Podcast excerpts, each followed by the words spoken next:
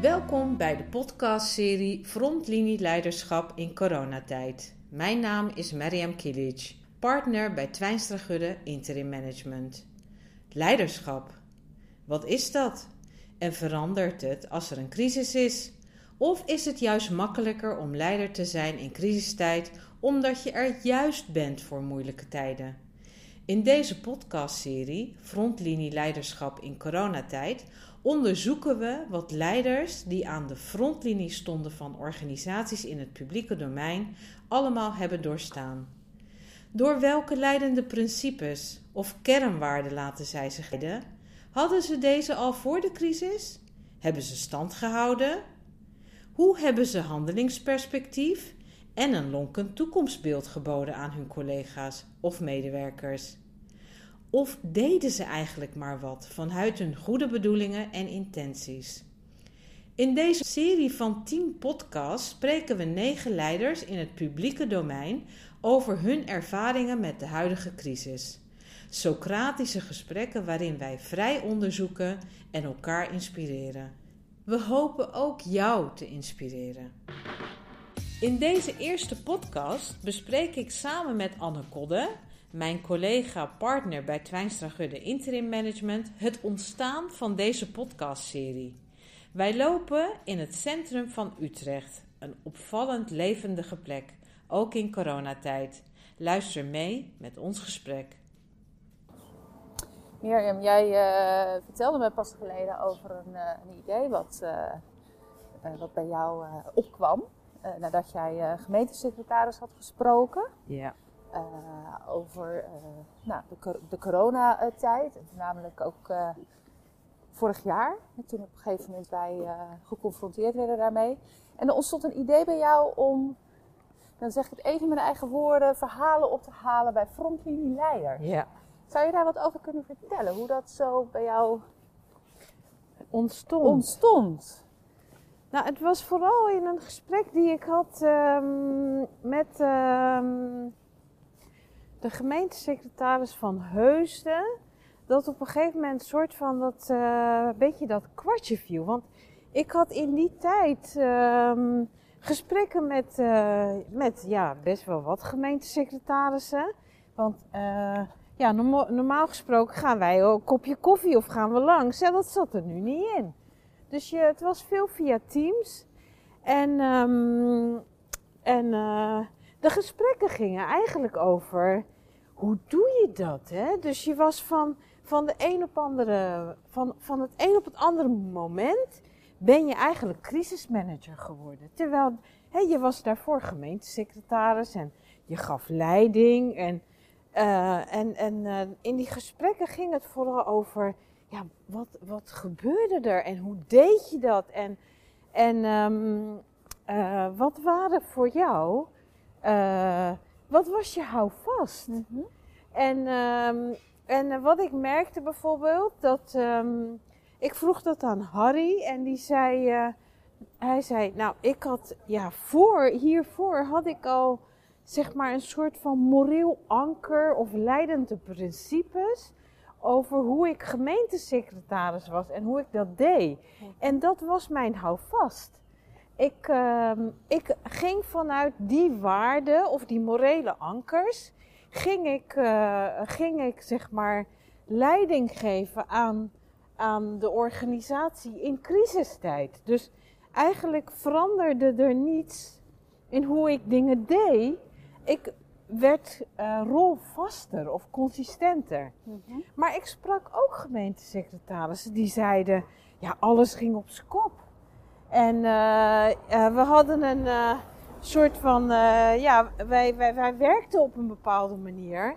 En in die crisis werd dat echt anders. Dus mijn leiderschapsstijl veranderde ook. Ik moest strakker en dus minder vanuit leidende principes, maar meer vanuit wat staat me nu te doen. Mm -hmm. En dat vond ik wel interessant, want je ziet dus dat uh, uh, verschillende mensen verschillende stijlen hanteren. En, um, en en dat vond ik ook wel interessant. Hè? Dus soort van niet vanuit een, een eh, crisissituatie vraagt om dit type leiderschap. Hè? Maar ja, ieder heeft zo zijn eigen stijl daarin. En, eh, ehm, en de een valt terug op zijn eh, morele ankers of zijn waardepatroon. En de ander denkt, oké, en nu? En hoe ga ik dit doen? En zoekt op dat moment zeg maar de stijl die erbij past. Mhm. Toen, en toen, toen we zo in gesprek waren over hem, jouw verhaal of zijn verhaal. En dus ik deelde in die gesprekken ook dat ik met andere mensen over dit onderwerp had gepraat. Toen, toen zei Harry, ja eigenlijk zou je, zijn die verhalen heel interessant. Om later ook met elkaar terug te kijken van wat, wat gebeurde er en wat deden wij ja. als leiders. En hij zei, en, en, als soort van een beetje een, een therapeutisch, hè, maar, maar ook om ervan te leren. En hij zei: Het is niet alleen interessant om dat te doen met uh, gemeentesecretarissen, maar ook bijvoorbeeld zorg. Die hebben van de een op de andere dag ook eens hun wereld veranderd. Ja. Dus zo, en toen heb ik het met jullie gedeeld eigenlijk, het idee. Ja, ik herinner me dat nog, dat wij, wij waren ook aan het wandelen. Wij waren toen aan het wandelen. Wij waren aan het wandelen en ik ik merkte inderdaad gelijk dat ik er enthousiast over was. Dat ik dacht, goh, wat een goed idee. En ook de verbinding te leggen, die, die raakte mij heel erg. Tussen zorg, onderwijs, overheid, hè, gemeente, gemeentesecretarissen. Uh, ik, ik, ben zo benieuwd, Mirjam. Ik weet niet hoe jij naar kijkt. Van, zoeken deze mensen elkaar wel eens op? Nee. Je heel beperkt. Weten ze van elkaar? En weten ze ook dat ze misschien wel voor dezelfde uitdaging ik denk dat ze binnen hun eigen groep misschien wel elkaar opzoeken. Uh, maar uh, over de grenzen niet. Dus ik denk dat een gemeentesecretaris niet snel zal denken van, um, oh, waar ik voor stond, daar stond eigenlijk een uh, ziekenhuisdirecteur ook voor. Ik denk dat ze. Is dat in jouw gesprekken aan de orde gekomen? Dat jij dat toen wel benoemd hebt? Nee, heb ik niet benoemd. Kijk, ik ben, ik ben zelf gemeentesecretaris geweest, hè. En ik weet hoe opgeslokt je wordt. Hi. Ja. ja we zijn een interview je... aan het opnemen. je staat er nu op, hè? oh, dit is wel een beetje een ja, schaduwtje waar we kunnen ik staan. We mogen waarschijnlijk niet naar binnen zonder mondkapje, maar hier kunnen we wel even... Ja, precies. Mondkapje verplicht. Ja. Nou, weet je, ik weet dat je wordt zo opgeslokt in je eigen organisatie. Dat je uh, uh, ruimte voor jezelf maken om je inspiratie op te halen of om je hart te luchten of om je zorgen te delen, is niet makkelijk voor deze mensen. Je doet het misschien bij een coach, als je een coach hebt. Bij collega's kan je het eigenlijk alleen doen met degene waar je echt een vertrouwensband mee hebt. Maar als gemeentesecretaris ga je je niet zo openstellen bij je burgemeester of je wethouders. Want er zit toch wel. Het is. Weet je wat een beetje. Uh, dat openbaar bestuur, dat is de afgelopen tien jaar heel onveilig geworden. Uh, voorheen waren bestuurders verantwoordelijk hè? en die werden dan bestuurlijk ook verantwoordelijk geacht. Nu gebeurt het heel vaak dat ambtenaren ook publiekelijk uh, ter verantwoording worden geroepen. En um, ja, met dat hele, zeg maar, het populisme en die hardheid heeft het, is het wel een hele onveilige setting geworden voor heel veel mensen. Met name bij gemeenten. Ik weet niet of dat ook zo is voor zorg of onderwijs. Maar geme bijvoorbeeld gemeentesecretarissen, die uh, sneuvelen ook heel vaak. Ja. Dus om de twee of drie jaar zie je... Wat mij zo opvalt, Marian, want het triggert mij. Ik, ik werk natuurlijk voor de zorg. Uh, ik kom uh, oorspronkelijk uit het bedrijfsleven, daar heb ik altijd gewerkt. Uh, ik weet nog goed dat ik zei tegen mensen uit mijn netwerk, ik ga voor de zorg werken. Dat ze dachten, dat was toch niks voor jou? Hè? Dus dat is niet dynamisch genoeg. Of dat is eh, eh, zo. En eh, ik merk sinds nu twee jaar dat ik met Wijsdrachtgeur interim actief ben in de zorg. Dat mijn beeld ontzettend veranderd is. Ik had een gevoel erbij of een verwachting die zeker is uitgekomen. Als ik zie hoe een ziekenhuisbestuurder of een zorgbestuurder in breedte, het krachtenveld waar hij of zij moet opereren, is enorm. Zo complexer dan bedrijfsleven. Zoveel complexer. En, uh, en, ik, ik, en een van, van de onderdelen van dat krachtenveld is het maatschappelijke veld. En het maatschappelijke veld, dat is iets wat ze gemeenschappelijk hebben met gemeentesecretarissen, met onderwijsbestuurders. We zien het nu, we zijn een jaar, exact volgens mij een jaar verder uh, volgens mij was de lockdown uh, een jaar geleden. Een jaar exact geleden. een jaar verder. Het is nu 17 maart. Dus volgens mij was het nou net een paar dagen hiervoor is alles ja. dicht gegaan vorig jaar. toen kwam het applaus. toen gingen we er met z'n allen voor. en nu zie je de agressie en, en, de, en de, de, de, de, de, de achterdocht komen. Het is, het is, iedereen moet zich maar verdedigen. Wat mij opvalt, die vind ik zorgelijk, is dat er uh, eigenlijk meer een verwijdering is gekomen tussen bijvoorbeeld de politiek uh, en de zorgbestuurders. Die vind ik ook zorgelijk. Vorig jaar leek het veel meer van, hey, we gaan hiervoor, we, we denken ook hetzelfde erover, laten we het zo doen. We weten niet, want dit hebben we nog nooit meegemaakt. Nee. We weten niet wat het juiste besluit is, maar nee. een besluit is een besluit, laten we gaan. We moeten dit met z'n allen onder de, knie, eh, onder de duim krijgen. Nou, maatschappelijk, bijna iedereen stond daarvoor klaar om dat te doen. En nu lijkt het gewoon dat het... Dat, soms belangrijker is om, om te zeggen dat de ander het fout doet. Ja. Nou, nu zitten we ook vandaag op een hele bijzondere dag, ja. want het zijn verkiezingen, in Nederland. Welke Hoe bijzonder is dit, hè? Ja, die, die, voel ik ook heel erg, hè? Van in, in deze tijd, dat wij dus nu verkiezingen hebben. En, dat, en de verkiezingstijd is altijd een tijd van elkaar. En, hè, we vliegen afvangen bij elkaar. Klopt. Maar dat zie ik ook in, maatschappelijk alle stukken. van, van, dus dus ik, ik kan me voorstellen dat er een dat, dat een gemeentesecretaris en een zorgbestuurder en een onderwijsbestuurder meer gemeenschappelijk hebben dan ze denken. Dan ze denken. Dat dus dat zou ook, een mooie, uh, nou ja, noem het bijvangst of een mooie surplus kunnen zijn uit onze verhalen die we gaan ophalen. Hoe zie jij dat? Dat we zijn, het zou een mooie. Ik heb, ik heb uh, wat ik. Uh, bij mij had ik op een gegeven moment zo'n inzicht dat ik dacht: ja, maar wij zijn echt het publieke domein wij als club, hè, wij als Twijnstra Gudde Interim Management. Ja. Want we zitten in de zorg, we zitten in het onderwijs, we zitten bij de overheid. Um, dus dat is wat. En soms ben je met je eigen markt bezig en dan denk je: oh, dit is mijn markt, dit is een hele andere markt. Maar er zijn zoveel overeenkomsten tussen zeg maar, organisaties die in het publieke domein een samenleving te bedienen hebben. Hè? Dat is bij onderwijs ook. Je zorgt met de leerlingen die je uh, ja, je bent ze niet alleen een vak aan het leren, maar eigenlijk ben je ook burgers aan het opleiden. Hè? En, uh, en, dus de verantwoordelijkheid die ze hebben delen. En daarnaast zijn er verschillen. En dat is het mooie als we dat uit de verhalen kunnen halen. En daarnaast, want het begin van ons gesprek begon dat jij zei: Ik heb met verschillende gemeentesecretarissen gesproken.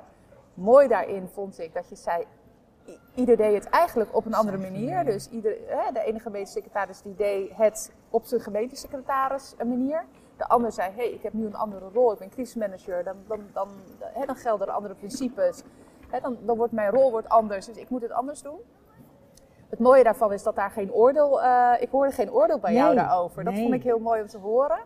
Uh, dus het zou ook mooi zijn inderdaad als we die verhalen en echt naar proberen te luisteren met elkaar. En ook over het publieke domein. En misschien ook wel veel breder dan alleen het publiek domein. Want waarom zou iemand buiten het publiek domein hier ook niet van kunnen leren?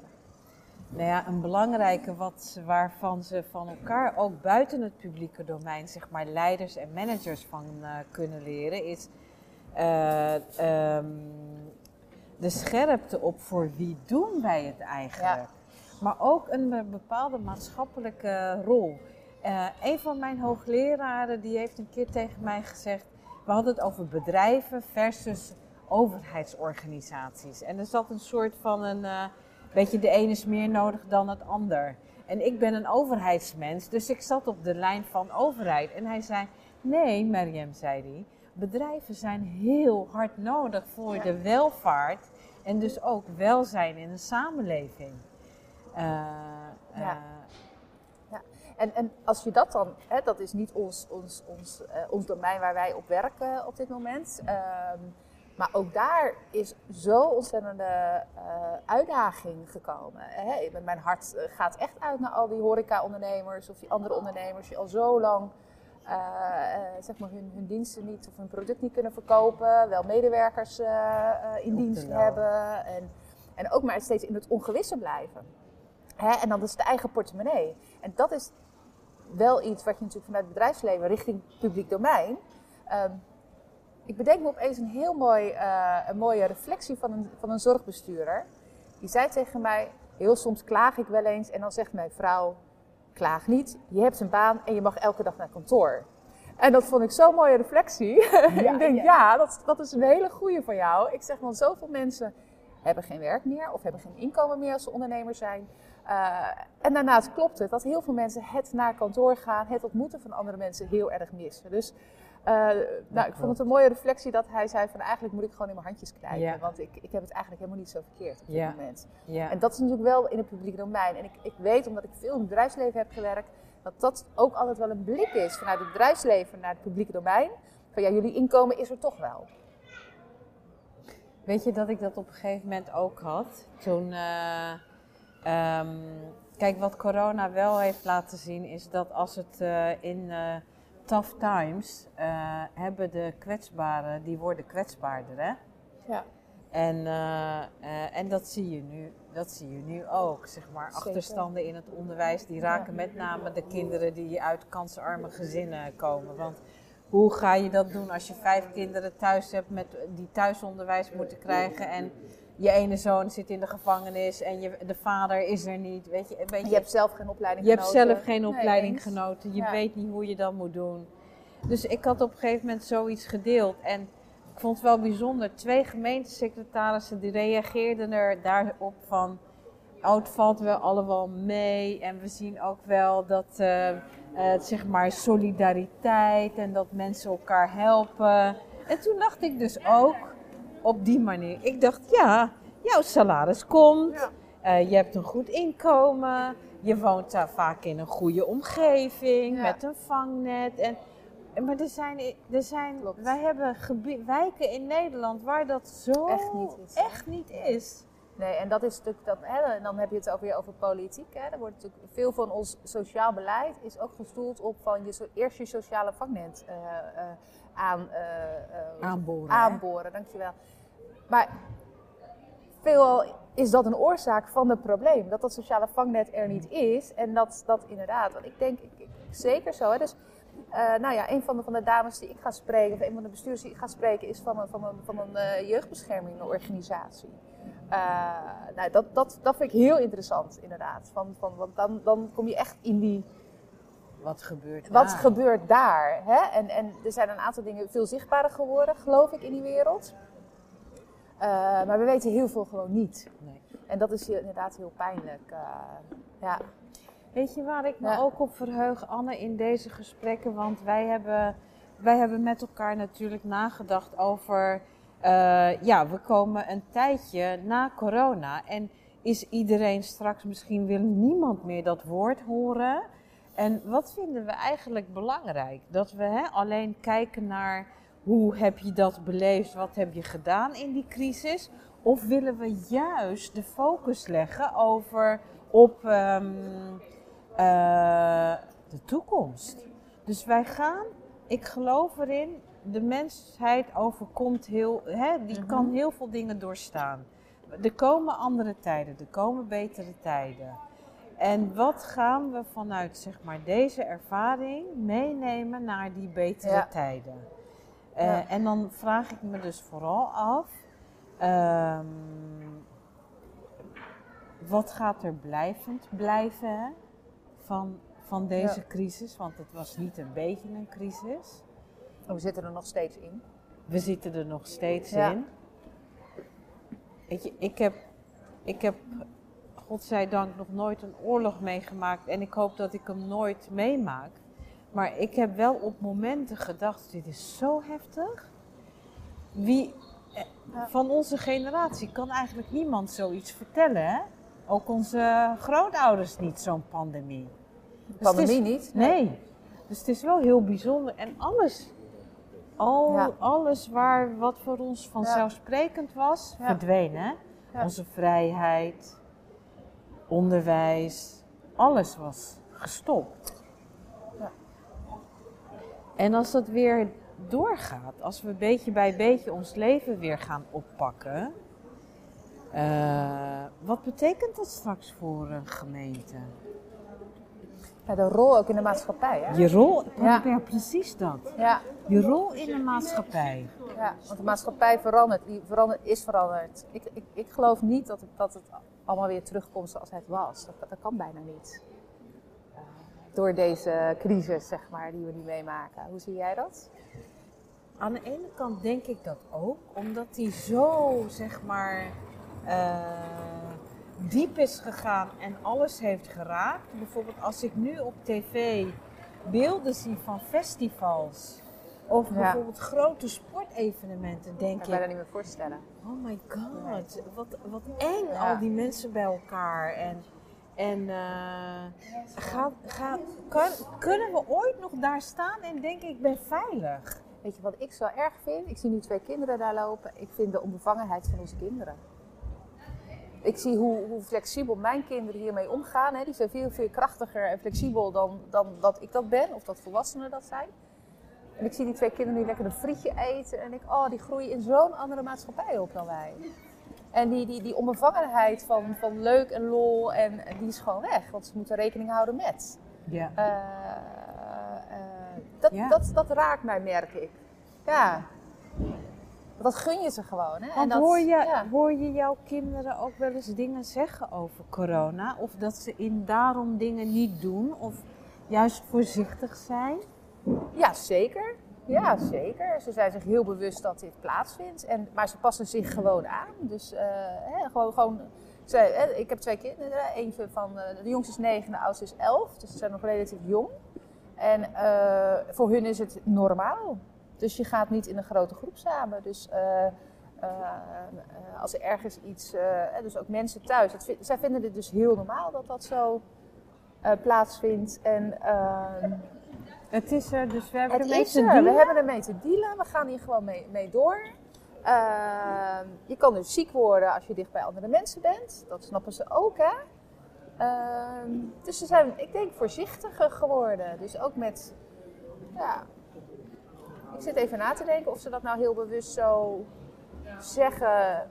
Ah, dit heeft natuurlijk, als, als, als je inderdaad, nou ja, welke leeftijd dan ook, hè? ik denk dat dat voor elke leeftijd zo is. Maar als ik dan even naar mijn kinderen kijk, dan denk ik, zij zijn hier, worden hier al een jaar mee geconfronteerd. En in, een, in zo'n korte levensperiode is een jaar wel veel. Dat is heel veel. Ja. Hè? Dus dat, dat, als je naar mijn dochter kijkt, die was natuurlijk acht toen het, toen het, toen het ontstond. Zijn heel veel dingen zijn er voor haar niet doorgegaan. Hè? Wat het meest pijnlijke was, is dat zij, zij, zit, zij, zij doet dat theater. Eh zij hadden maanden geoefend voor een, eh, voor een voorstelling. En gewoon een paar dagen voor de uitvoering eh, was, werd de lockdown aangekondigd. Nou, dat is echt... Ja, dat kennen wij toch niet als Nee. kind? Dus Wij dat heeft konden- effect. Precies, want wij konden bijna al onze plannen gewoon doen, hè? Uitvoeren. Er zat niks in de Want weg. Niks zat in de weg. Je kon Niks kind zijn en vrolijk zijn. Ja. En zij moeten rekening houden. En ik zie dat heel erg bij mijn dochter. Dat is een goede vraag hoor. Als ik daar even op terugdenk. Dan, er wordt ontzettend veel veerkracht eh, gevraagd van kinderen. Wat ik nu merk bij mijn dochter.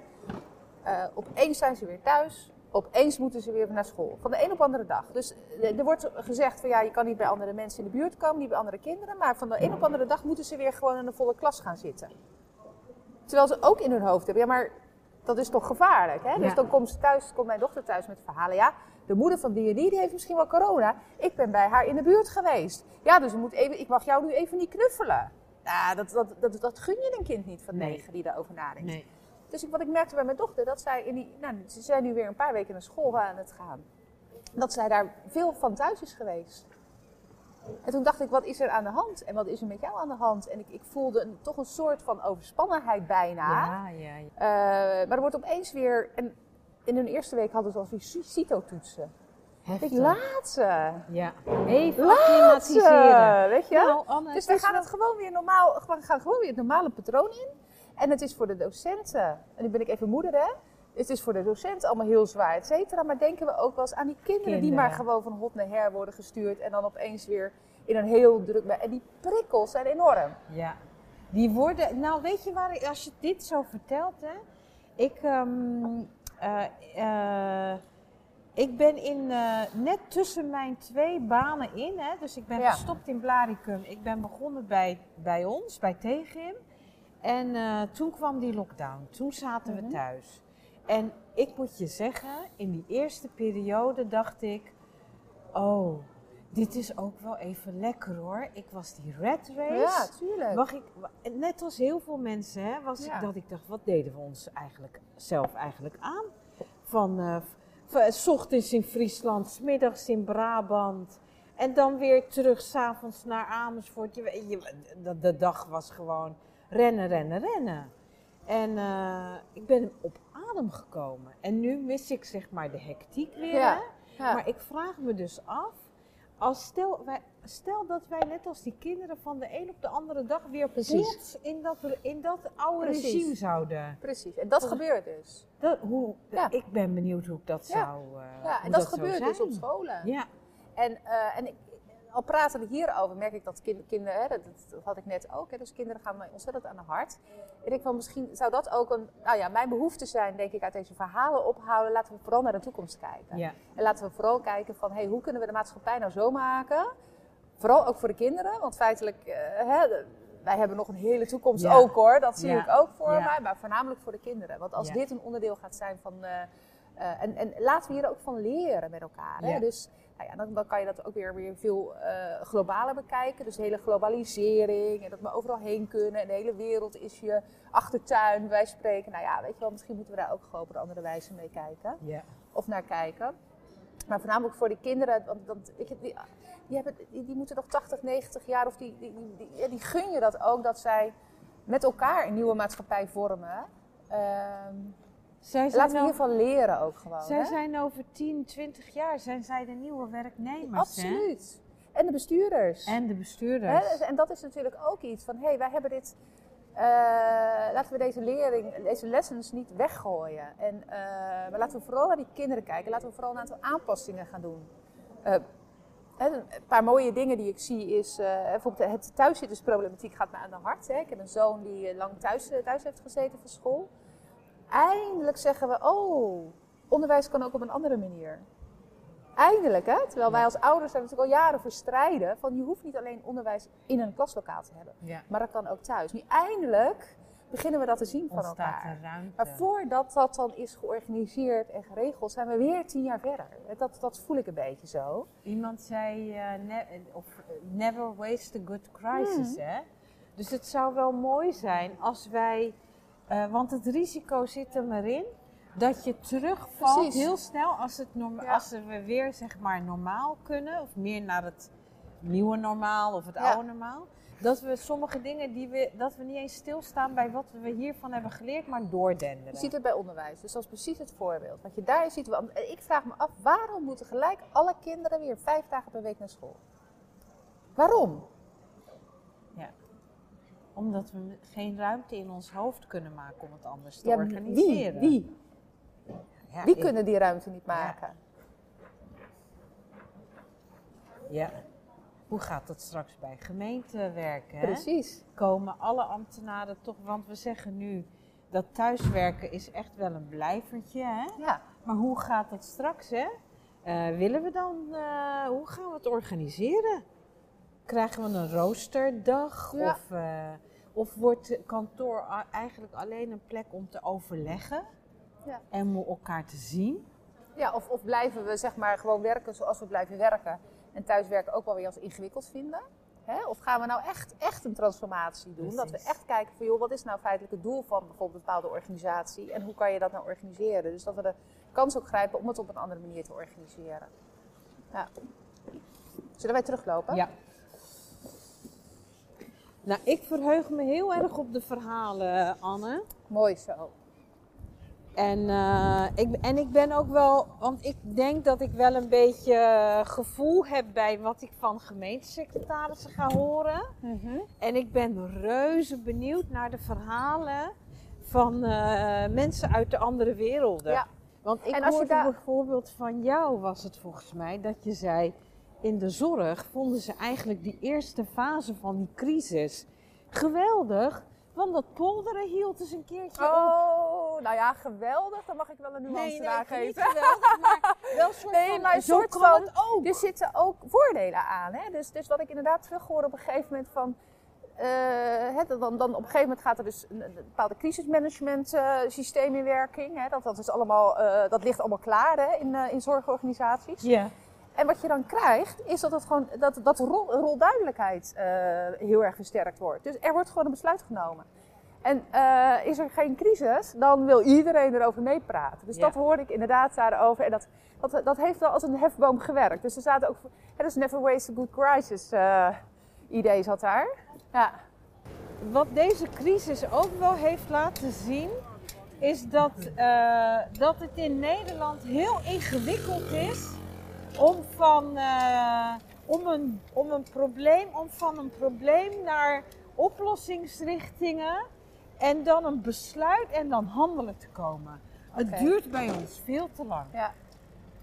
En, en, en als je het een beetje afzet tegen wat zeg maar, ehm oud, beetje auto, hoe noem je dat? Autocratisch leiderschap. ja. Weet je, dan wordt er snel een besluit genomen en Ja. of het nou goed is of niet, Ja. hè, maar er wordt iets gedaan. Ja, dat zag je wel aan het begin van de, van de crisis, In het vond begin ik dat. Hè? Zeker het. vanuit politiek. Maar op een gegeven moment komt, komt dan toch weer de oude modus van het kritiek op elkaar leveren. Om het kritiek leveren. Ja. Hè? Want dat, dat is een beetje het Precies. gevoel. Eh, want niemand had een andere oplossing. Maar het was voornamelijk eh, vliegen vangen bij anderen, zeg maar. Nee, en ik vraag me dus af, als je, als, want op een gegeven moment werd het draagvlak voor de maatregelen ook minder, omdat er te veel ehm, eh, werd gekeken naar waar is draagvlak voor. Ja. Terwijl de samenleving, een deel hè, een groot deel, die vond eigenlijk wel fijn dat er een, iemand de regie nam en zei, Ja. oké, de- en te veel polderen of te veel draagvlak is, weet je, ja, eh, dat, dat is lastiger uit te leggen. Waar ik heel benieuwd naar ben, waar ik ook naar uitkijk, is eh, het persoonlijke stuk. Dus wat doet het nou met jou als bestuurder? Eh wetende bijvoorbeeld als, als zorgbestuurder dat jij dat je, je mensen in een, in een, in een, in een kwetsbare positie brengt. Je weet dat er een pandemie is, je weet dat er een, een, dat, die heel besmettelijk is. Eh, maar toch moet je zorgen dat jouw mensen dus aan het bed gaan staan. Ja. Hoe voelt dat nou als jou als, gewoon persoonlijk?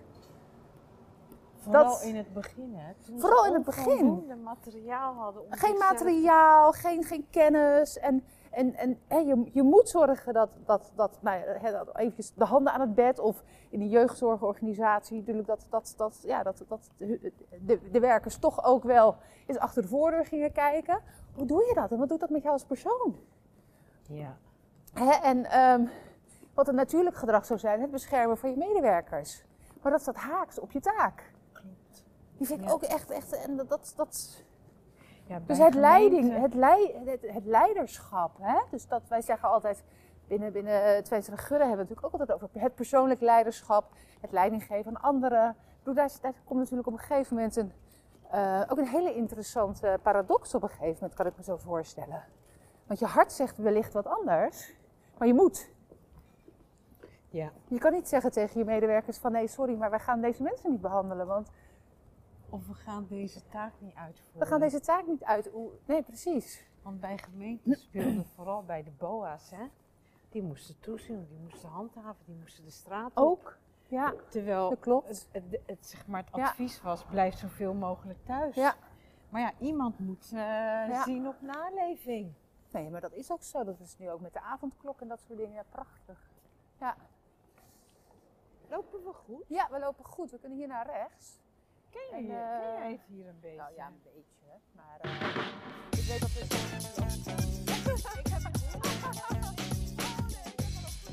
Bedankt voor het luisteren naar deze aflevering van de podcast. Op onze website twijnstragudde.nl slash frontlinie vind je alle informatie over deze en toekomstige afleveringen en kun je vragen stellen. Ook kun je het whitepaper bestellen waarin we de gesprekken zullen samenvatten en duiden. Abonneer je op deze podcastserie via Apple of Spotify. Of ontvang een bericht over de volgende aflevering door je in te schrijven via onze website twijnstragudde.nl slash. Tot de volgende keer!